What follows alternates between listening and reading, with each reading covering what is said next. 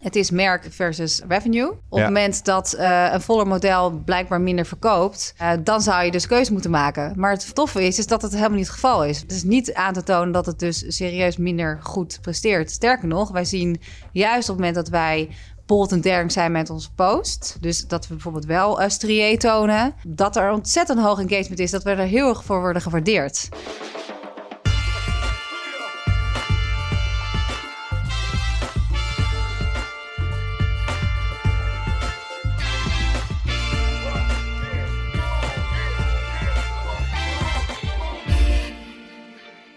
Goedemorgen, goedemiddag, goedenavond of wanneer je dit ook luistert. Welkom bij The Brief, een podcast over merken, marketing en content van Wayne Parker Kent.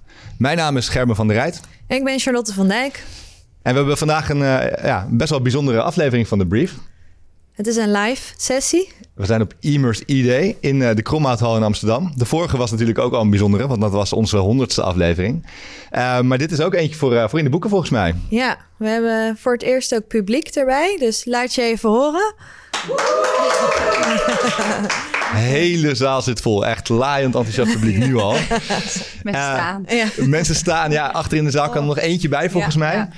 Nee, we hebben eh, net als altijd hebben we ook weer een mooie gast. We gaan haar zo aan, eh, aan jullie voorstellen. Eh, zij, eh, ja, we hebben haar eigenlijk van het programma geplukt eh, van, van idee. Want ze heeft net al een, eh, een sessie gedaan samen met een eh, strategische partner. Waarover ze misschien zo meteen een klein beetje kan vertellen. Ehm, we hebben, omdat we ook eh, op, een, eh, ja, op een event opnemen, hebben we wat ja, ja, iets meer tijdsdruk, om het zo maar te zeggen, dan dat we normaal hebben. Dus het is wellicht een iets kortere aflevering van de brief, maar niet minder interessant. Eh, dus laten we gewoon meteen beginnen. Yes, let's go. Sanneke Boesveld is een marketingdier in hart en nieren. Eh, na een start in de tv-wereld en een paar maanden Australië... besloot ze van alle kanten van het wereldje te proeven. Ze werkte aan de uitgeefzijde, aan klantzijde en aan bureauzijde... voordat ze Head of Marketing Benelux werd. Eerst bij Twitter, daarna bij Vice. Bij dating app Inner Circle werd ze zelfs Global Head of Brand. En als een ware marketing cupido stond ze daar aan de wieg van heel wat romantische ontmoetingen. Inmiddels is ze Global Head of Marketing bij Hunkemuller. Maar nog belangrijker, ze noemde de brief ooit een van haar favoriete podcasts. De beste manier om een uitnodiging te krijgen. Tijd dus om haar het hemd van het lijf te vragen. Welkom, Sanneke. Dankjewel. Welkom. Ja, leuk hier te zijn. Ik zit nog lekker in mijn energie van eh, mijn eh, andere performance zojuist. Ja, kun je kort vertellen wat je, wat je hebt verteld? Ja, Wat de andere sessie was? ja zeker. Ik eh, stond net op een podium met Klarna. Jullie wellicht wel bekend van de flexibele payment methode. Bij Hunkemuller zetten we dat natuurlijk ook in. En dit verhaal ging specifiek over een partnership on steroids, zoals ik het zelf heb geframed. Waarin eh, Klarna en Hunkemuller de handen eh, in elkaar sloegen tijdens de jaarlijkse fashion show van eh Hunkemuller. Waarin wij voor heel veel exposure hebben gezorgd en brand awareness voor Klarna. En zij ons eigenlijk hebben geholpen om daadwerkelijk de collectie te pushen. Oké, dus Klarna is meer eigenlijk dan alleen maar een payment provider. Nou, ik weet niet of jullie wel eens de visuele identiteit van Klarna hebben bekeken. Maar ze doen echt wel hele vette dingen. Ook vooral voor consumenten natuurlijk. En voor B2B is dat misschien wat minder zichtbaar. Maar het is echt wel heel gaaf wat zij, eh, wat zij doen. En hoe zij eigenlijk hun nek ook eh, uitsteken voor eh, eh, eigenlijk eh disrupt zijn die zin ook alweer de bankenwereld. Ja. Eh, met, ook met hun visuele identiteit. Dat roze, het spat er vanaf en ook de, de manier waarop fris, zij anders. meegaan. Ja, zeker. Ja. Ja. Dus eh, ja, dat is heel tof hoe ze dat doen hoor. Hoe ze dat voor elkaar krijgen ook. Met Snoop Dogg en rappers waar ik nog nooit van heb gehoord. Die trekken ze uit de kast. Ja. Wel gaaf. Waren die er ook net? Ja, dit was de B2B kant. Die het, eh, nou ja, dezelfde visuele stijl trouwens. dus leuk. dat is wel gaaf. En maar jullie doen nog veel meer bij Hunkemuller. En daar willen wij het eigenlijk in deze podcast over gaan hebben. Ja. Eh, voordat het zover is, gaan we eerst eh, ja, beginnen. Trappen we hem af met een vaste rubriek. Char? Ja. Eh, elke podcastaflevering vragen wij namelijk onze gast van wat is de beste content die jij de laatste tijd hebt gezien, gelezen, eh, campagne, film, kan alles van alles zijn. Dus ook jou hebben we deze vraag gesteld. Dus wat is de beste content die jij de laatste tijd hebt gezien? Ja, nou, die, eh, die heb ik wel. En het heeft ook wel weer met Hunkemuller te maken, eh, waarmee wij dan althans bezig zijn. Ik ben de afgelopen maanden echt bezig geweest met eh, een partnership tussen Pink Ribbon en Hunkemuller. Pink Ribbon kennen jullie waarschijnlijk wel van het borstkankeronderzoek. En oktober is de eh, Breast Cancer Awareness Month, internationaal. En Hunkemuller doet al heel lang een partnership met Pink Ribbon.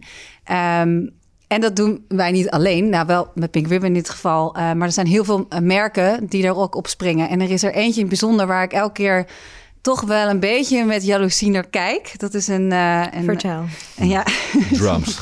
te maken voor, voor deze partij. Maar ja, je moet ook eh, ambities blijven hebben. En inderdaad goed kijken. En er ook wel concurrenten. Ehm, Lounge, Lounge Underwear. Dat is een UK, eh, groot UK lingeriemerk. Eh, eh, only online. eh, eh, ik ken het eigenlijk niet voordat ik bij Hunkemuller kwam werken. Ik weet niet of jullie het eh, kennen. Nee. Nee, ik niet. Ik ook niet. Nee, nou, ik dus nu wel. En eh, wat zij doen eh, rondom Breast Cancer Awareness Month... is eh, zij doen extra extra maal. Ze hebben nu boepboxes bij universiteiten in heel UK gezet. Zij, gaan, zij zetten... eh, eh, eh, dames in hun campagnematerialen zetten zij met borstamputaties gewoon in beeld vrouwen die onlangs chemotherapie hebben ondergaan, Hele die laten vertellen over breastchecks, maar, maar op een hele respectvolle manier. Dus heel erg met fun. Het is eigenlijk een heel serieus onderwerp wat ze met heel veel plezier eh, brengen, omdat, eh, om maar die awareness te creëren rondom de belangrijkheid van je borsten te checken. En ehm, eh, ze hebben nu bijvoorbeeld ook 10% eh, korting op alle roze BH's. Mhm. En, en als je nu naar hun Instagram gaat, dan claimen ze het volledig. En niet alleen deze maand, ze zijn er al weken geleden mee begonnen. Ehm, waarin je meteen ziet, als je deze, het staat in hun bio iets als in, if you read this, check your breast. Nou ja, dan ben je het wel echt aan het ownen, wat mij Ja. betreft. Dus echt door en door Ja, doorgevoerd. ja, vind ik heel tof, want dat hè, als lingeriemerk, en dat doen wij ook, Hunkemuller zijnde, eh, is, het, is het claimen van expertise. Hè, wij zijn dan een bra-expert eh, en in dit geval een breast-expert. Super belangrijk en ik vind ook dat je maatschappelijke verantwoordelijkheid daarin hebt.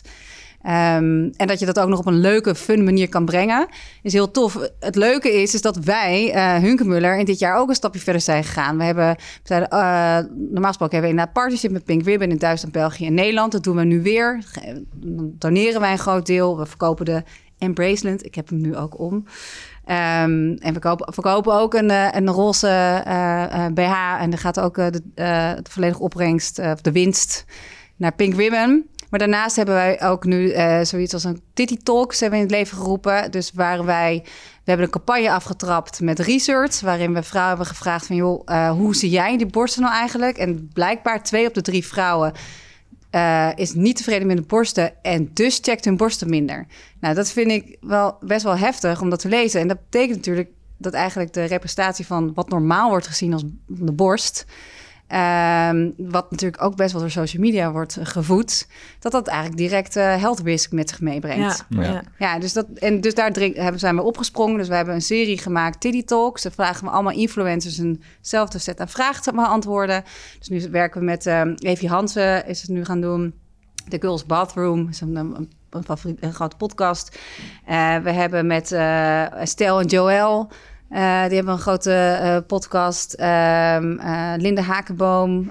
Nou goed, een, Ja. een hele hoop vrouwen die dat doen. En heel veel ambassadors. Dus Met het hoop om een serieus onderwerp dus luchtig aan te vliegen. En maar ja, het gesprek over de borsten gaan te houden. En wat dat er geen normaal is. Ja. En dat alles... Dus alle... Hunkemuller is al goed bezig Ja. rondom dit thema. Maar je mag je altijd laten inspireren Precies. door buitenlandse Ja, voorbeelden zoals hoe- deze in dat ja, geval. Wat Ja. dat betreft, hoe activistischer in dit, in dit geval, hoe beter, zou ik zeggen. ja, Mooi. mooi. Ja. Benieuwd waar dat eh, bij Hunkemuller volgend jaar dan eh, allemaal toe gaat leiden. Ik ook, ja. Dank voor je tip voor nu. We zetten hem in de show notes. Die eh, voor alle luisteraars en, en mensen in het publiek vandaag ook. Die dat kun je Titty Talks erbij. Niet alleen... ook, ook zetten, we er ook bij. Alle show notes vind je, vinden jullie allemaal op www.debrief.nl. Dus wil je wat terugkijken, lezen of luisteren, dan kun je dat allemaal vinden op www.debrief.nl. Gaan we nu door met het interview. Sanneke, je hebt bij Twitter gezeten, bij Vice, bij dating app Inner Circle en nu bij Hunkmuller. Dat zijn wel behoorlijk verschillende merken ook allemaal, met allemaal een eigen en een andere doelgroep. Welk van al die merken past het beste bij jou? Ja, over dat het verschil. Ehm, eh, het, het verschilt helemaal niet zo van doelgroep. Ehm, Vertel. nou, bij Vice werd eigenlijk in die tijd dat ik er zat... het is nu vijf jaar geleden. Mhm. Ja, zoiets. Vijf, zes jaar geleden. Daar werd eigenlijk het woord Gen Z voor het eerst gelanceerd. Eerst was het altijd millennials. Oeh, moeilijke doelgroep. Toen werd opeens Gen Z gelanceerd. Eerst waren wij de jongeren, toen niet meer. Ja, exact. En ik werkte bij Vice en daar, de doelgroep werkte daar. Die ademde dat Gen Z, jong millennial uh, gedachtegoed al helemaal. Dus dat was, uh, dus iedereen, dat, dat was ook zo tof aan Vice, want die cultuur werd daar echt uh, ja, gebezigd, om het zo maar te zeggen. Ja. konden niet anders. Vervolgens, inderdaad, ging ik naar In de Circle. Maar de grote doelgroep die vrijgezel is, is toch ook echt Gen Z millennial. De betalende, inderdaad, die zijn vaak wat ouder, dat klopt. Maar hetzelfde, hetzelfde geldt voor Hunkemuller. Ja. Wij richten ons ook op de Gen Z, jonge millennials, met onze communicatie. Dus het verschilt niet heel erg. Het grappige is dat bij Vice, waar het toen werd geïntroduceerd en was echt een beetje avant-gardistisch. Weet je, dat Gen was oké, fuck, dit is een nieuwe doelgroep. Uh, ook voor uh, marketeers was dat opeens een spannende. En Hunkemuller kan je toch wel zeggen dat het mainstream is. En dus een aantal jaar later zie je dus eigenlijk dat, dat die voorhoede, de Z en dat hele gedachtegoed, uh, dat dat eigenlijk helemaal geïncorporeerd is al door mainstream merken. Want wij, ik doe de hele dag niet anders dan over diversity praten en inclusivity. En, uh, nou ja, en het, het woord woke, dat hoorde ik voor het eerst bij Vice. Maar dat is nu eigenlijk helemaal geïncorporeerd in het DNA van Hunkemuller. Mm -hmm. Dus dat vind ik eigenlijk wel heel gaaf om te zien. Ja. Dus zoveel verschil is er eigenlijk niet. Nee, qua, nee. Do qua doelgroep nee. dan misschien niet. Maar qua merkidentiteit, merkpersoonlijkheid... zijn het natuurlijk wel ja. echt allemaal verschillende merken met een eigen karakter. Ja. En qua product ook. Want de een is een service, de ander is uh, een nieuwsoutlet. Dit is echt... Uh, Nee, precies. Ik heb nooit eerder in retail gewerkt. En dat is voor mij nog wel het grootste verschil. Um, maar als ik het over de, de gemeenschappelijke deler bekijk, dan gaat het toch veel, veel uh, naar de doelgroep kijken. Op basis van inzichten kijken, oké, welk verhaal kunnen we eruit halen? Uh, en hoe kunnen we daar als merk dan ook weer wat mee doen? Uh, bijvoorbeeld bij Inner Circle was het heel tof. Want je was het scale-up is dat. Dus je hebt je kan zeggen, er is heel veel vrijheid om alles mee te doen. Je hebt heel veel data tot je beschikking. En wat ik daar heel gaaf van vond, is dat je op basis van die inzichten, uh, wat leeft er nou eigenlijk binnen de daters? En helemaal, dat was corona overigens. Dat was natuurlijk heel heftig. Ja. Wat doe je er dan mee? En wat, dat heel erg, wat het gave was bij een, een dating app, of helemaal mijn rol, want ik werd aangetrokken om er eigenlijk van een merk van te maken. Want dat deed het heel goed op performance marketing. Maar toen moest het een merk worden, een global merk. Um, en en wat, wat doe je dan? En, uh, en vervolgens hebben we inderdaad heel gedefinieerd van... oké, dit zijn dus de benen in de gains... Hè, die je ook als dating app uh, uh, kan gebruiken... voor je marketingdoelstellingen. maar ook heel erg dat het feit dat wij een challenger brand waren... Um, dat betekent dat je bold en daring kan zijn. Dat betekent dat je hele gave campagnes moet gaan doen om eruit te springen. En dat ja. vind ik dan wel heel erg tof. En ik noem net het voorbeeld van een, een lounge versus Hunkemuller. Voor mij komt dat ook weer samen. Want op die manier, op net anders... maar je wilt wel een doelgroep elke keer weer bewegen... en voor jou te laten kiezen. Um, en bij Vice, dat zat al in, in het hart van Vice. Die gaan continu schuren en het randje opzoeken.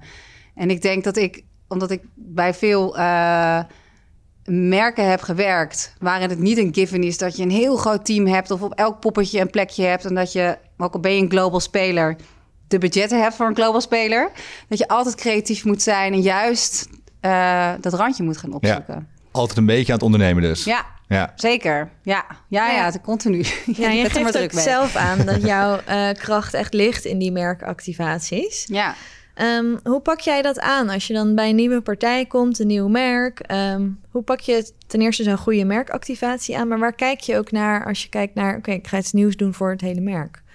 Ja, wederom, dat ligt heel erg wel aan de organisatie. Want een skill is echt niet te vergelijken met een Hunkemuller. Hoewel Hunkemuller soms ook echt wel elementen heeft van een skill-up. Omdat je daar een, wat logge organisatie hebt die, uh, een, uh, die mee moet gaan. Kijk, een skill-up kan je soms weer verwachten dat het heel snel kan bewegen. En vervolgens denk je, jeetje, waarom krijg ik het er maar niet doorheen? Uh, en dat kan ook weer veel te lang duren. Dus het, het, het is ook ben wel grappig. met politiek bezig eigenlijk. Ja, ja. want uiteindelijk ook een, uh, een Hunkemuller is private equity. Uh, nou, een skill-up uh, zoals in de Circus ook private equity. en dat betekent dus dat je dus echt CEO's aan het roer hebt... waarin het geld echt van hun is. Dus dat is, is, echt een andere dynamiek. Dus, ja. Um, Maar stel dat we even inzoomen op, op, op Inner Circle en ze kijken naar merkactivatie of campagne die, wat je daar voor elkaar hebt gekregen. Wat is dan degene waar je nu op terugkijkt waar je het meeste trots op bent?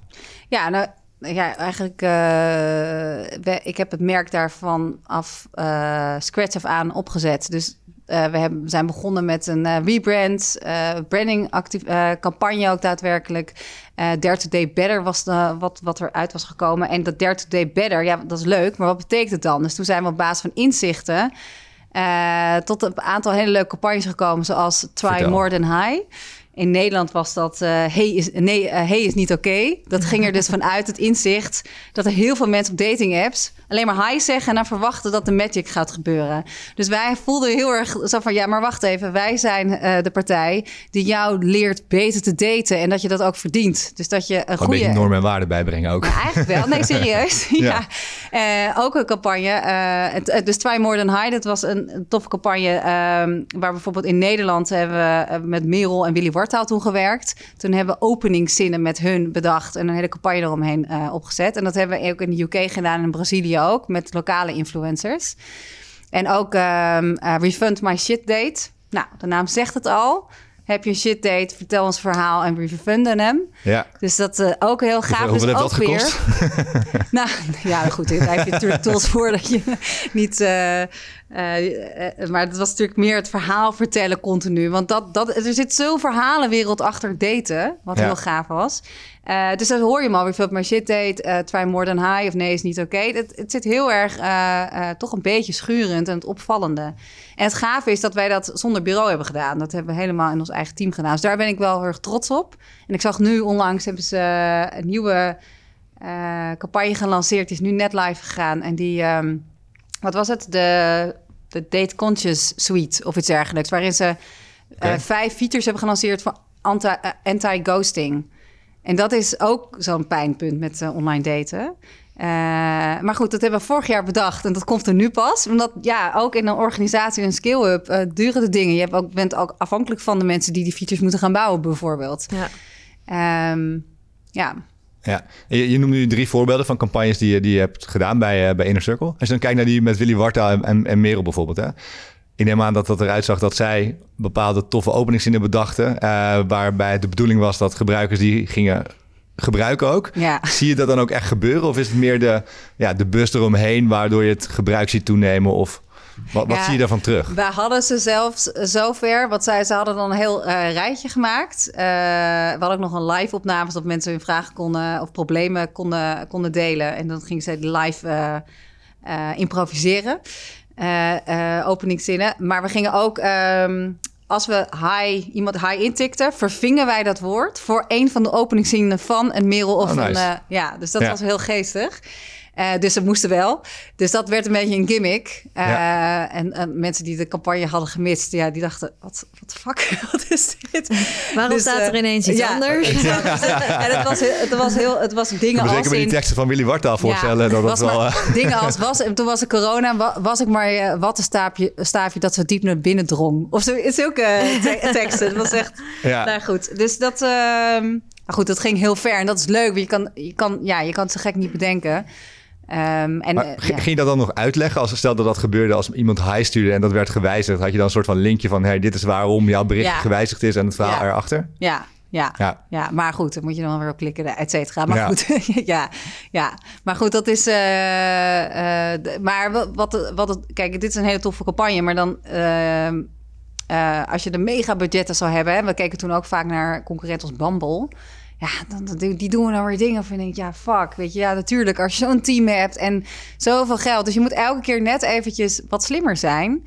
Eh, en net, die, net dat extra eh, eh, stapje moeten zetten. Dus ja, ik denk, als Ja, Nederlandse marketeers ben je vaak onderscheiden creatief. als merk. Continu, ja. Al die dating apps zijn er zoveel en alles is bijna hetzelfde, zou je denken. exact. Terwijl inderdaad een Bumble weet zich ontzettend goed te onderscheiden. En Inner Circle ook.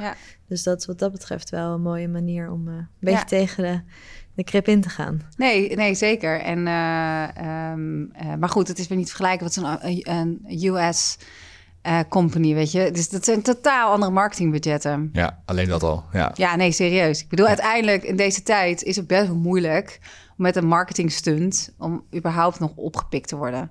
Hè, eh, de, jullie podcast gaat erover. En soms lukt dat. En dan heb je ook goud in je handen. Maar ja, heel veel- negen van, nou, wat zeg ik? eh 999 van 1000 niet. Terwijl die ook best wel gaaf zijn. Ja. En ook goed idee achter zitten. En Exact, best wel ja. wat geld achter zitten. Ja. Wil het nog steeds niet eh, altijd erdoor Ja. komen. Ja. En wel- ja, goed. Het is ook een beetje, I don't know, geluk hebben. I- ik, ja. Leuk. Hey, als je dan terugkijkt op al die, eh, die merken waar je hebt gewerkt, we gaan zo wat dieper inzoomen op, op Hunkemuller zelf. Eh, waar vond je de uitdaging eh, het grootste? Of zeg maar, waar was jouw jouw opdracht het moeilijkste?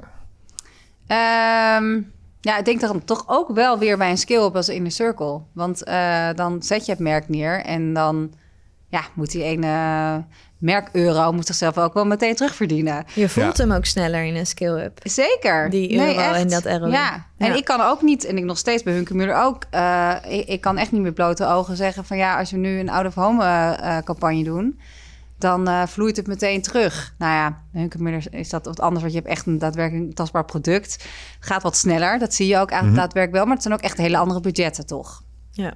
Eh, dus dat is wel een spannende. Eh, want dat performance marketing, dat is natuurlijk super tastbaar. Eh, maar continu, en dat, dat- ik, ik, ik doe niet anders, denk ik, mijn hele carrière, uitleggen wat de, de impact van merk is. En dat je dat, dat je dat liefde en tijd moet geven, et cetera. Maar dat is wel het eerste wat, eh, waarin gesneden wordt. Altijd. Ja. En hoe maak je dat tastbaar als je dat dan vertelt? Van wat is het, de input van mer- merk en de impact? Hoe maak jij dat tastbaar in KPI's? Of, of hoe kan je dat uitleggen? Ja. Wat, wat, wat doe je? Ja, ja, het begint sowieso met de KPI's. Nu ook bij Hunkmuller werken wij heel veel met creators en influencers. Dat is natuurlijk ook eentje waar iedereen zijn hoofd over breekt. Want ja, ik heb net een presentatie gegeven... dat bijvoorbeeld bij tijdens de fashion eh, eh, show die we hebben gedaan... hadden we een ontzettend toffe VIP-lijst met hele grote influencers. Eh, we hadden een bereik van 60 miljoen. Dat, dat kan je natuurlijk allemaal wel optellen. En een engagement met een hashtag. Nou, je, je snapt hem. Hele, grote, hele grote getallen. Eh, vervolgens wil je natuurlijk zeggen, ja, wat doet het? Wat doet het? En natuurlijk heb je brand search, weet je. Dan kun je ziet ook je brand search omhoog gaan. Het vervelende is alleen dat op het moment dat je een bra party hebt die nu is en je hebt een TVC, dan, dan zoeken mensen ook, want ze willen uiteindelijk gewoon een promotie. Dus de twee voor, ehm, eh, eh, eh, eh, sorry hoor, eh, de- nou, bra party. Drie BH's voor Drie de BH's voor de prijs van twee. voor de prijs van twee. Dankjewel. Kleine promo tussendoor. Ja, kleine promo tussendoor.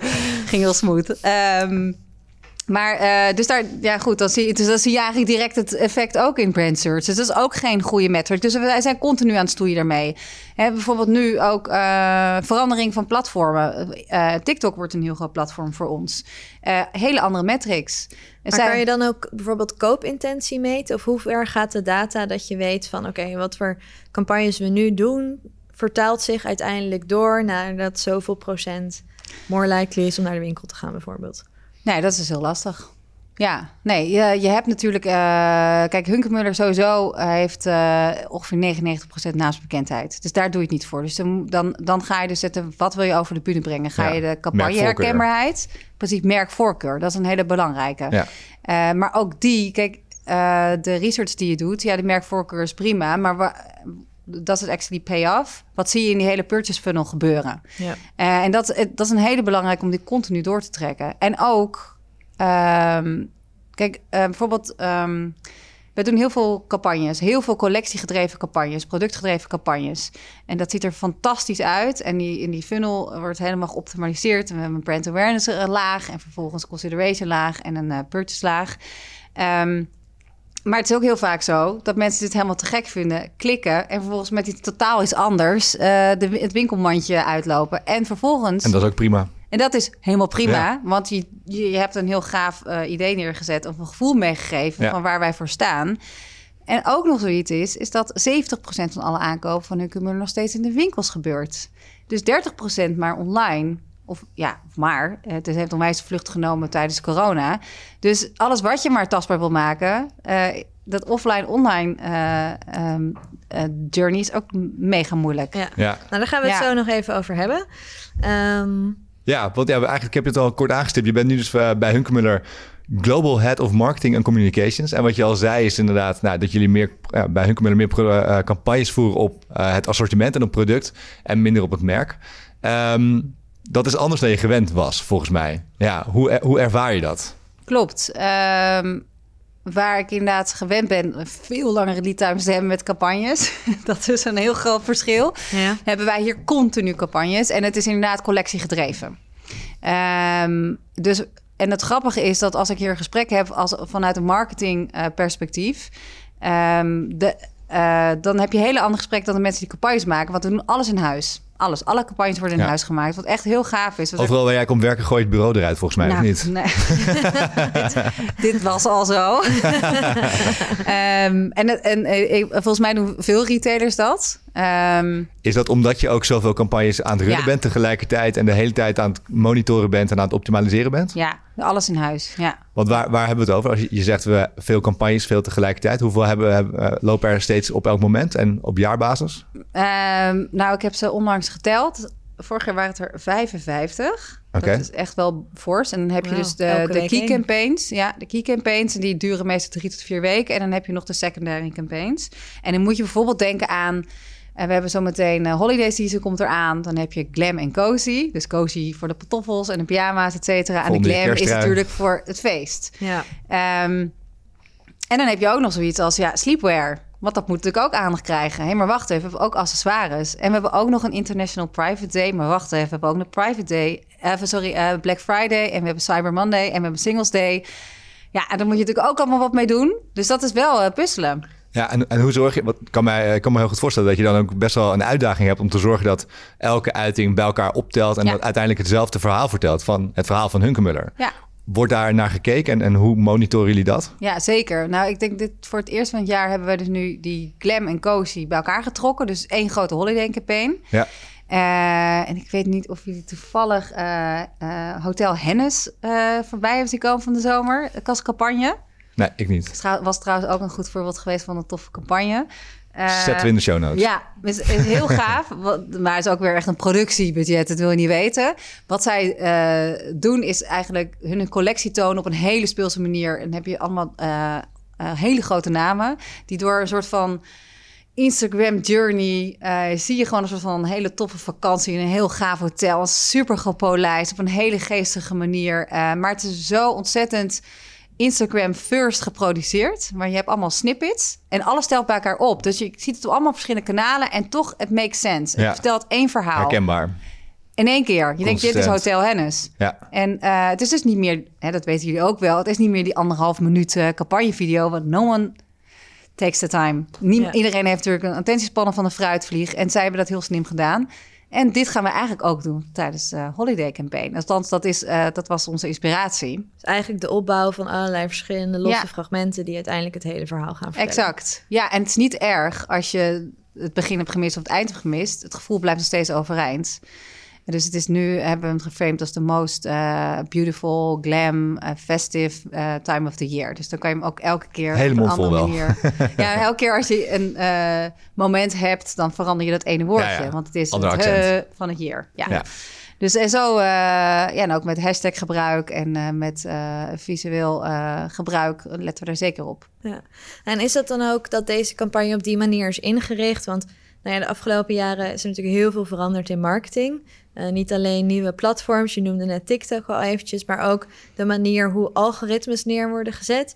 Bij Instagram is ineens alles video. Eh, dat, dat vergt natuurlijk ook wat van de organisatie intern. Ja. Ehm, hoe je je KPI's neerzet, maar ook hoe je gewoon überhaupt je producties neerzet. Ja, Ehm, is deze campagne dan ook de eerste keer dat jullie op die manier het omdraaien? Of nou, nee, dat denk ik niet. Kijk, dit, dit kwam eigenlijk ook vanuit de behoefte van... joh, waarom zoveel campagnes tegelijkertijd doen... terwijl we eigenlijk één verhaal van kunnen maken. Dus dat is eigenlijk ja, een hele Praktisch, praktische. ja. Ehm, en tegelijkertijd is het wel wat er aan het veranderen is... en waar ik ook mijn team heel erg op push... is van we hebben die campagnelaag... Hè, die je ook op televisie ziet, wat we hebben met tv-commercials... en wat je in de winkel ziet. De window, zoals we dat noemen, POS-materiaal...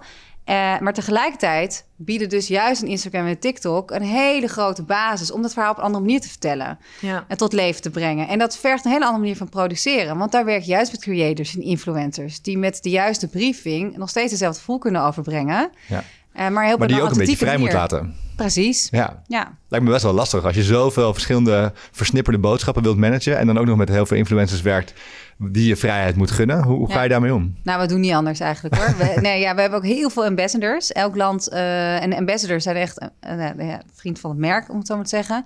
Die, die, ik ben er echt om verbaasd hoe actief die zijn. Dat zijn eigenlijk allemaal mini-creators. Dat zijn allemaal micro-influencers. Eh, die geven wij dus, eh, eh, eh, eh, die seeden wij lingerie. En die gaan dan serieus zichzelf op de, op, de, op de telefoon zetten en posten dat. En dat is natuurlijk allemaal... Ja, voor ons is dat smullen. Want dat is allemaal ehm, eh, free eh, eh, publicity voor Ja. ons. En dat is heel gaaf. Want ze zijn ook al- allemaal heel trots op een merk. Dus dat, die moet je al vrijlaten. Dus die, en dan organiseren we Ambassadors Days... waar ze een gave, gave locatie een ervaring bieden. En die vinden die meiden allemaal helemaal te gek. En daarboven heb je de grotere influencer. Dan heb je daarboven nog de collabs. Dus, die, eh, dus daar, daar gaat nog een, een tandje verder. Die kan je natuurlijk helemaal regisseren... en er is niks meer spontaan. Ja. En eigenlijk is het juist lekker om een beetje met die creators, de niet super grote eh influencers te werken. Eh, want daar heb je juist nog veel meer de creativiteit. Ja. En ik denk, zie dat ook heel erg die beweging die nu naar TikTok gaat. eh, die heel erg in die niche zitten. En als je en die hebben ook create a marketplace waar je in kan eh, springen. Juist is het heel gaaf om die dan eh, eh, te, te, te brieven en juist de vrije hand te geven. Ja, er, er is volgens mij nog wel een verschil tussen eh, Instagram en TikTok. Want Instagram is zoals we het allemaal kennen het platform van de mooie gelikte plaatjes. Waarbij TikTok de authentieke, echte content is. Wat, wa- ja, wat zien jullie, jullie daarvan terug? Hoe, wat betekent dat voor Hunkemuller? Ja, en dat, dat vind ik dus heel gaaf. Juist als een, eh, een merkmarketeer eh, en minder productgedreven inderdaad... is dat je juist ziet in wat voorheen werkte... en dat is ook aan het veranderen... op eh, Instagram, dat gepolijste, echt die campagne-shoots... ehm, het mooie plaatje en die influencers die perfect zijn... dat werkt niet op TikTok.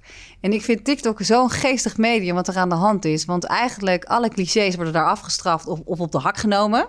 Ze nemen zichzelf niet serieus. En wat ook heel gaaf is, dat, eh, dat authentieke... Ja. Dat, dat moet je gaan doen. Je moet juist die vrije hand geven. Als merk durven. Dat Ja. durven los te laten. Als je als merk te serieus eh, neemt Ja, op TikTok, dan serieus? word je ook... eh, Het werkt gewoon niet. Nee. Nou ja, je wordt niet afgestraft. Het werkt gewoon niet. Totaal Nee. niet. En, eh, en dat vergt dus eh, een hele andere manier van marketing doen. In ieder geval ook voor, eh voor Hunkemuller. Dus het is niet meer dat mooie... Het is ook dat mooie plaatje. Maar juist die online laag... eh, om echt in eh die jongere cultuur te springen... dan moet je aanpassen. En het hele team, dat zit op TikTok. Dus die wil niets liever. Dus die snappen dat wel. Maar ik vind het wel spannend met Hunkemuller en, en TikTok als je dan zegt dat hele authentiek. Kijk, het is natuurlijk wel een BH waar we het over hebben. Het is een vrij jonge doelgroep ook. Al, al weten we dat TikTok ook volwassener wordt. Het is niet alsof we een horloge op TikTok zetten en dan daar authentiek mee omgaan. Je bent nog toch wel vrij naakt en, en bloot en misschien wat ja. Ja. voorzichtiger. Zie je dat daar dan ook het moeilijker is om die authentieke content te krijgen op TikTok? Nou, je hebt ook zoiets als edutainment. Eh, dat werkt heel goed op TikTok. Dus dan heb je eigenlijk veel meer how to style, TikTok. how to wear. Ja. En TikTok is, net als Instagram volgens mij ooit is begonnen, eh, best wel preuts. Je, als jij bijvoorbeeld organisch een hitje hebt eh, met eh, een, een, een creator of een eh, die iets met de BH doet en die wil je dan eh, eh, boosten, dan, dan worden wij, kunnen wij gewoon eh, geblokkeerd worden. Want dat is te bloot. Want qua eh, op het moment dat je campagne wil doen op TikTok en het is te bloot, er zijn hele, hele strenge regels voor. Dus dat is voor ons een uitdaging. Ja, Dus juist moet je veel meer op die bra-expertise eh, zitten. Hè? We hebben het net over dat being a breast expert, bra-expert. Daar kan je natuurlijk een hele wereld omheen creëren. Ehm, Maar die creators hebben daar dus minder last van. Maar op het moment dat jij het wil gaan boosten als merk, Ja. dan, te- ondanks dat het je eigen product Ja. is, kan je daar dus heel erg voor afgeschaft ja, worden. en je kan het dus omgekeerd wel doen. eh, of omgekeerd. Het is juist op moment dat het organisch eh, succes is... en je denkt, oké, dus we we're onto something. Je gaat het boosten, hè, wat logisch is, want het is succes. Dus er is eh, appetite for it. Dan kan je echt geblokkeerd worden. Als jij alleen een campagne opzet... dan wordt die, gewoon, eh, wordt die gewoon niet live gezet... zoals we dat ook wel kennen vanuit andere platformen. Maar TikTok is daar wel heftig in, hoor. Dus je moet juist creatiever gaan denken... oké, waar staat ons merk voor? Hoe kunnen wij nog veel meer onze brand values... op een andere manier laden op een, eh, Ja. Dan alleen een- het pushen van een collectie Exact. Ja, Ja. het is veel meer het verhaal erachter, veel meer lifestyle gedreven. Dus wederom veel meer in eh, de belevingswereld van, een, eh, van Gen Z in dit geval. Dat is wel koren op jouw molen dan. Ja, vind ik heel leuk. Ja, ja. kan me voorstellen. Ja, en het te- team ook. Want uiteindelijk is dat het, het leuke eh, marketing, het, eh, eh, de activatie van je merk. Ja. Hey, ja, TikTok eh, maakt een klein brugje naar eh, Gen Z volgens mij. Eh, we hadden het er eerder ook al over. Dat speelt, ja, die generatie speelt een rode draad bijna door jouw carrière, jouw loopbaan. Ja, toch wel. Ehm, los van dat ze op een ander platform te bereiken zijn. Wat, wat, ehm, ja, wat zien jullie nog meer gebeuren bij die generatie wat anders is voor Hunkemuller dan de generaties daarboven? Ja, wat wij zien is dat diversity, dat dat gaat heel ver. Ehm, dus wij, en, alle campagnes wat we doen, als je nu op onze social channels gaat, zul je echt zien dat wij continu een, eh, diversiteit aan modellen hebben. Eh, en sterker nog, als je dat dus een keer niet doet. eh, we hadden laatst een campagne, een Isabel en Honey campagne. Heel succesvol. waren drie meiden. Elk, wel, wel weer een goede mix. Ehm, ook wat voller. Maar vervolgens waren ze dan nog te perfect in hun verhouding, om het zo maar te zeggen. En vervolgens, ja, je ziet de community gaat er dan los op. Dus zelfs, je komt er gewoon niet meer mee weg, om het zo maar te zeggen. En dat is heel snel gegaan. Het is, eh, wat ik mij weet, ik, ik zit ze- zeven maanden nu bij Hunke Muller, maar ik heb mij het laten vertellen dat drie jaar geleden, als je naar onze timeline keek en wat het nu is, is dat een gigantisch verschil. Dus wij luisteren naar de community. Eh, en dat is dus wel, en we, we zitten er de hele dag erop eh, en we nemen het ook heel serieus. En dus ik vind, dat een, vind dat een heel groot verschil. En dan heb je natuurlijk ook sustainability, wat een hot topic is, denk ik, voor elk merk. Maar voor een fashion retailer is dat best wel een ingewikkeld eh, onderwerp. Want wij willen wel, maar alles wat je sustainable maakt, wordt duurder, is duurder. En, en dat de hypocriete aan Gen Z, want dat is ook wel een beetje de doelgroep, is ja, ze zeggen natuurlijk wel, we willen als sustainable. Maar wat er nu aan de gang is, natuurlijk, eh in de wereld staat op zijn kop. Eh, ik denk dat eh Shein is eh, skyrocketing, super cheap fashion. En ik denk ook dat biovlees veel minder gekocht gaat worden nu. Want Ja. dat is natuurlijk ook wel de realiteit. Iedereen blijft uiteindelijk toch naar zijn portemonnee kijken. Exact. En, ja. en dat is met een doelgroep, en dat is ook hartstikke logisch, een Gen Z. Dit- En dat zijn natuurlijk wel vraagstukken waar wij nu ook mee te dealen hebben. Want wij richten ons primair op Gen Z. En natuurlijk in de, in de winkels komt natuurlijk ook een echt een andere doelgroep. Eh, maar hoe ga je daar met je eh, campagneboodschap ook eh, mee om? En ook je. ehm, eh, Dus waar je zit je dan op als je kijkt van oké, hoe gaan we onze campagne anders inrichten? Ehm, is dat dan iets wat je over de jaren heen, of tenminste nu in die zeven maanden die je gedaan hebt, ook veel meer moet uitspreken? Want toen ik jonger was en ik eh, naar Hunkemuller keek, dan had je de Sylvie Meis en de Duitse Kroes die allemaal op en top perfect eh, in hun eh, lingerie op het beeld verschenen. Ja. Nu zie je gelukkig dat er veel meer diversiteit is aan, aan ook wat we aan jonge meisjes laten zien. Ehm, is dat iets wat dus eigenlijk extern gekomen is en niet vanuit Hunkemuller zelf? Of, of hoe, zie, hoe zie jij dat dat gegaan is? Weet ik niet. Ik denk. Eh, ehm, kijk, als waar Vice misschien echt een grondlegger is voor cultuur, de avant-garde, denk ik niet dat Hunkemuller dat per se is.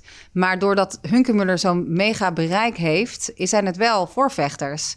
Want het is echt niet zo dat elk merk dat nu doet. Kijk, het is natuurlijk. En, en Hunkemuller kan je echt wel zeggen dat het part of the DNA is, omdat het ook echt een merk is wat eh, staat voor female empowerment. Eh, en Alleen die female empowerment zag er tien jaar geleden heel anders uit. exact. Ja, En dat is eigenlijk met, met de kennis van nu is dat heel gek. We hebben zelfs eh intern een discussie. eh, ehm, onze doelgroep, ehm, eh, de doelgroep wordt Zero genoemd. En dat is natuurlijk een samentrekking van eh, ehm, eh, Hero en maar dan een vrouwelijke vorm. Ja, je zou nu zelfs kunnen zeggen, maar wacht even. Als je het in de tijd van nu bekijkt, is het eigenlijk de, de uitzondering die dus benadrukt dat het dus juist een uitzondering is dat vrouwen heroes zijn. Dus de wereld op zijn kop. Ja, dus, ja. en, we zijn continu daarmee in beweging en we moeten ook die gesprekken blijven voeren met elkaar. En Ja. hoe laat je dat dan zien in de winkel? Dus ehm, jij bent natuurlijk heel veel bezig, voornamelijk ook met het online stuk en, die, en hoe je die berichtgeving naar buiten brengt. En je doet heel veel op de verschillende kanalen en dan laat je die modellen zien. Maar in de winkel zie je natuurlijk één of twee of drie posters en ehm, wordt dat verhaal natuurlijk veel minder verteld. Hoe maak je die doorslag van ehm, nou ja, dat female empowerment, of in ieder geval in dat, dat veranderende beeld, hoe breng je dat in de winkel? Ja. Uiteindelijk, waar dus wel 70% van de mensen je, je producten koopt. Ja, dat is lastig inderdaad. Want je hebt daar veel minder eh, exposure en ruimte. Dat is ook zo. Alles wordt wel doorvertaald. Dus ik had bijvoorbeeld over die drie modellen net. Ja, die drie modellen zijn daar echt wel zichtbaar. Dus je ziet altijd een divers aantal modellen. Ehm, en we, we hebben wel digitale schermen, maar niet in alle winkels bijvoorbeeld. Dus eh, je hoopt in ieder geval dat zij in de online eh, journey ons tegenkomen. Daar gaan we wel vanuit. Uh, of op televisie bijvoorbeeld met een commercial. Of omdat ze in aanraking zijn gekomen met een influencer die ons verhaal vertelt. Um, Be ja. Begint het niet ook bij, bij het assortiment en het product? Is dat niet ook diverser geworden en veelzijdiger? Oh ja, zeker. Oh, sorry, zeker. Nee, um, wij hebben nu 73 verschillende maten voeren wij. En daar, nee, daarmee zijn wij ja, echt wel oprecht een bra-expert. Dus je, we zijn er voor iedereen. Waren er vroeger, weet je? Nou, ik zag toevallig net een filmpje die ik net heb getoond. Uh, waar, waar volgens mij nog, uh, wat stond er nou? Uh, volgens mij stond daar 59 op of zo. Dus het is mega een ontwikkeling. Dus wij, ik heb ook echt een gesprek met onze buying afdeling van hey. We gaan nu binnenkort echt een campagne voeren het nieuwe jaar. Oh, sexy comes in all shapes. Dus heel erg op dat curve. Maar all shapes, all shapes. Dus ook heel dun. Dus ook de AA60, weet je wel. Dus ik zeg van, maar hoe gaan we, moeten we echt blijven doorvertalen? We moeten erop blijven hameren. Want ook dat, hè, we kunnen roepen dat we voor iedereen zijn, maar je moet het wel aan kunnen tonen. En als ik nu bijvoorbeeld uh, op een extreme fringe size, zoals dat heet, zoek, uh, dan moet er wel genoeg aanbod blijven. Ja. Ja. ja. En is het dan niet tegelijkertijd, want dit gaat best wel snel, dit, dit beeld wat verandert en wat uh, ook uh, deels wordt uh, gevraagd vanuit de maatschappij. Is het dan heel moeilijk om afscheid te nemen van dat, dat oude uh, Hunkemuller, om het zo maar even te zeggen? Want ik kan me voorstellen dat je, het is niet van de een op de andere dag dat je gewoon, oké, nu besluiten wij dit soort beelden te gaan tonen, diversiteit te omarmen. Ja. En dat gaat niet zomaar. Weet je, je nee. hebt een soort van overgangsfase. Klopt, maar dat gaat ook langzaam. En wat ik van heb begrepen is dat drie jaar geleden uh, vond de CEO ook dan nog wel ingewikkeld. Dat hij ziet nu ook wel, hij kijkt ook om zich heen wat andere uh, merken aan het doen zijn. Dus dat, dat helpt natuurlijk ook. Want, uh, en hoe de wereld zich aan het veranderen is. Wat dat betreft kunnen wij daaraan bijdragen. En denk ik ook dat wij best wel progressief daarin zijn. en soms is het ook nog op e-com. Zie je nog wel de, de, perfecte modellen. En denk je, ja, dat, dat, die doorvertaling moet nog beter. Ja. Maar dat Dus we zitten eigenlijk nog meer. steeds in de overgangsfase. Ja, maar het is natuurlijk ook zo, je moet continu aantonen... het is merk versus uh, revenue. Op ja. het moment dat uh, een voller model blijkbaar minder verkoopt... Uh, dan zou je dus keuze moeten maken. Maar het toffe is, is dat het helemaal niet het geval is. Wij kunnen. Het is niet aan te tonen dat het dus serieus minder goed presteert. Sterker nog, wij zien juist op het moment dat wij bold en daring zijn met onze post. Dus dat we bijvoorbeeld wel uh, strié tonen. Um, dat er ontzettend hoog engagement is. Dat we er heel erg voor worden gewaardeerd. En ik, dat is gewoon een kwestie ook van blijven doen ja. en steeds dus verder gaan. gaan. wel bij aan die wellicht merkvoorkeur uiteindelijk. Dat ik ben ik van overtuigd. Ja, ja maar wij uh, vragen ook... Uh, we hebben een tracking lopen. En daar vragen we dus ook uit... Uh, in welke mate wij scoren op diversiteit, inclusiviteit. En daar scoren wij goed op. Ja. Uh, en voor 2023 gaan we daar dan ook daadwerkelijk op sturen en ons marketingplannen nog meer op aanpassen. Maar we, het zit al zo in de DNA. En je kan het alleen nog een stap verder doen. Um, bijvoorbeeld LGBTQ community. Wij zijn daar altijd mee bezig. Um, dus je hoeft dat niet per se rond de Pride-periode te doen, wat mij betreft. Uh, en als je dan doet, moet je dan een collectie doen? Of ga je dan juist partneren met een organisatie die er heel voor staat? En wat past dan bij je merk? En? Uh, ja, daar zijn we nu mee bezig okay. voor volgend jaar. ja, dus dat zijn interessante gesprekken. Ja. Um, ja. Maar ik kon je net wel zeggen, bij e-commerce zien we dan nog wel de oude, de oude plaatjes, de oude beelden. En tegelijkertijd willen jullie in andere uitingen nou, een ander beeld laten zien. Dat wordt dan wel lastiger, ook in, die versnipperde, uh, uh, ja, in het versnipperde medialandschap, om dat verhaal dan bij elkaar te laten optellen, toch? Maar het is een mix. Want als je nu naar onze site zou gaan, dan zie je e-com beelden. Is gewoon redelijk in de studio. Hè? En dan hebben we altijd creators er doorheen en campagnebeelden erheen. Dus als jij naar één product kijkt, dan is er altijd een, een, slider. En dan zie je dus eigenlijk zes verschillende soorten uh, beeldmateriaal. Dus dat vind ik juist wel gaaf. Ja, met het product hetzelfde. Ja. Ja. ja. En dat vind ik juist heel cool dat, dat daar wel voor wordt gekozen. Oké. Okay. Ja. Top, dankjewel. Dankjewel. Dit was alweer het interview. Nou. En misschien moeten we kijken of er nog vragen zijn uit het publiek. Precies, oh ja. we gaan Toch? even kijken of er uit het publiek vragen zijn uh, voor Sanneke. Um, Ja, ik zie iemand... twee, twee, vragen, sowieso al. Mannen, ik vind het leuk. Mannen. Ja. Ja. We moeten even kijken of, of ze het in de microfoon moeten zeggen of niet. Eh, roep het maar, dan herhaal ik het wel en dan ja. kan Sanneke antwoord geven. Eh, in hoeverre is de man jullie doelgroep? Ja, dat vind ik een hele goede vraag. Ja, de, Nou, de vraag, ik ga hem eens even herhalen voor de luisteraar. De vraag is in hoeverre de man jullie doelgroep is. Ja. Eh, als je het mij vraagt, nog niet genoeg goed genoeg. Kijk, de grotere campagnes, joh, eh daar kan ik me echt voorstellen dat we daar... Hè, je hebt ook maar zoveel eh, budget en je, doet één campagne. Maar in de mid-lower funnel, daar doen we ook campagnes op de man. Maar dan moet je meer denken aan messaging. Bijvoorbeeld zo meteen komt gifting season. Ja, dan, dan loopt er dus wel een campagne die mannen op het idee moeten brengen om dit setje dan te verkopen. Overigens, wat ik ook interessant vind hieraan, we hebben bijvoorbeeld een, ehm, een collectie, een private collection. En private collection is voor een slaapkamer. Maar daarin ook vind ik, eh, als je het over de man hebt, eh, ja, voor wie, voor wie is deze collectie nou eigenlijk? Wie moet hem kopen? Want je, kan je, voor, ja, je weet ook dat mannen dit dan vaak voor een vrouw kopen. Ik als marketeer ben nu heel erg een voorstander van eh, International Private Day. Dat is dan de 3 november. Om dan juist erop te letten dat het niet de, de male gaze is. Die voyeuristische male gaze. Maar dat het voor female empowerment is. Dus het ontdekken van je eigen vrouwelijke seksualiteit. Ja, dat je jezelf comfortabel voelt Exact. in het setje wat je draagt. Exact. En dat dat is precies het verschil. En voordat je het weet, staat er weer zo'n eh, influencer of eh, een ambassador met haar eh, bips naar achter. ja, dan vraag je je inderdaad af van wie is, voor wie is het bedoeld. Nou ja, Is ook een dunne lijn soms, toch? Soms In- is het ook en-en. Nee, Ja. dat is ook zo. Maar goed, vanuit, eh, eh, eh, messaging perspectief Ja, dan Ja. moet je wel kiezen. ben ik voor, dat, eh, voor, voor eh, het, de, het loslaten van de male gaze. Het heel erg dat female empowerment. Eh, en dat past ook heel erg in deze tijdsgeest. Dus eigenlijk is de man niet echt de doelgroep. Nee, eigenlijk zou het alleen maar voor jezelf moeten doen. Maar ja, goed. ja, Oké, dan Alright. we hebben nog één vraag, volgens mij. Ja, ik hoorde je het woord Black Friday zeggen. Ik was benieuwd wat, hoe, wat jullie jouw standpunt is in het adverteren Ja. rondom Black Friday.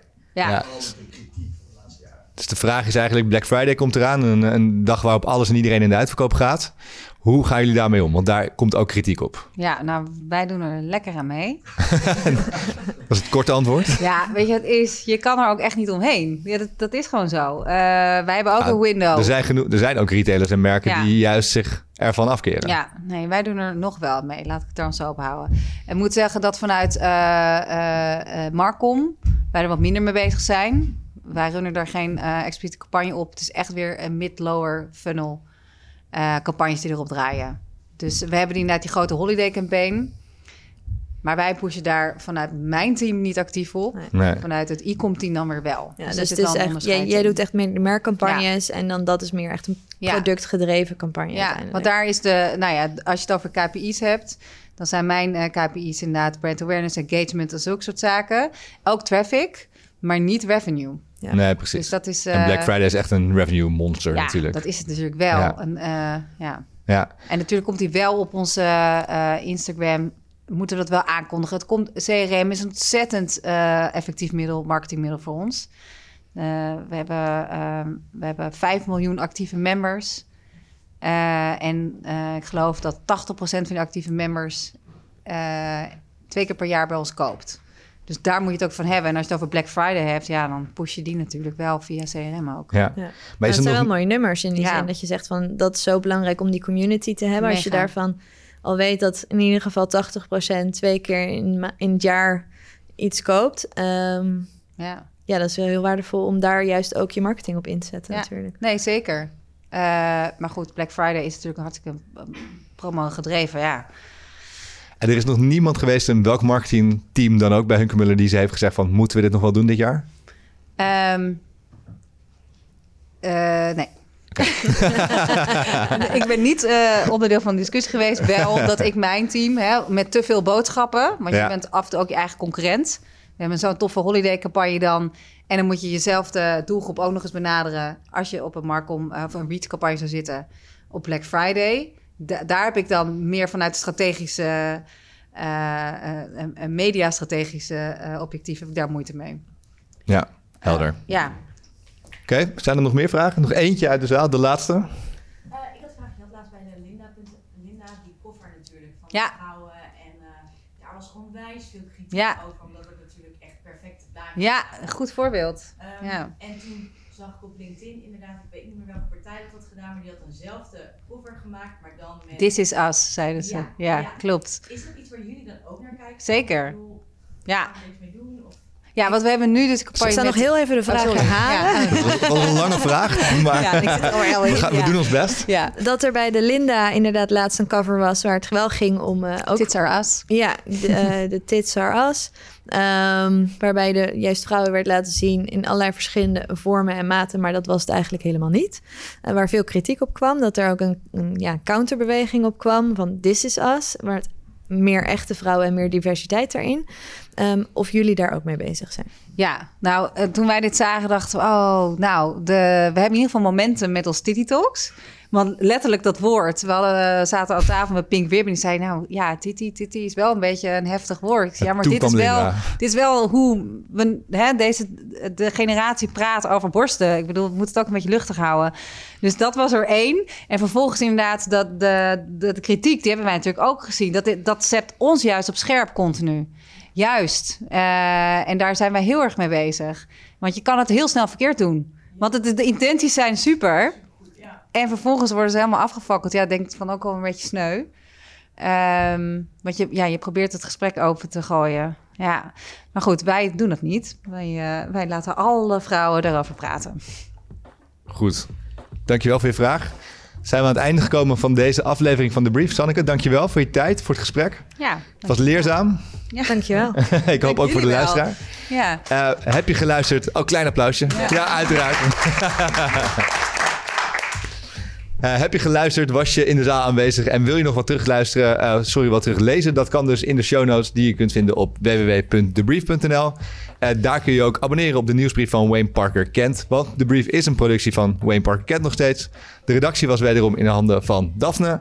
De productie was van Guido Wiegers. We waren vandaag dus live vanaf ID van Immers. En de volgende show is over twee weken. Tot dan.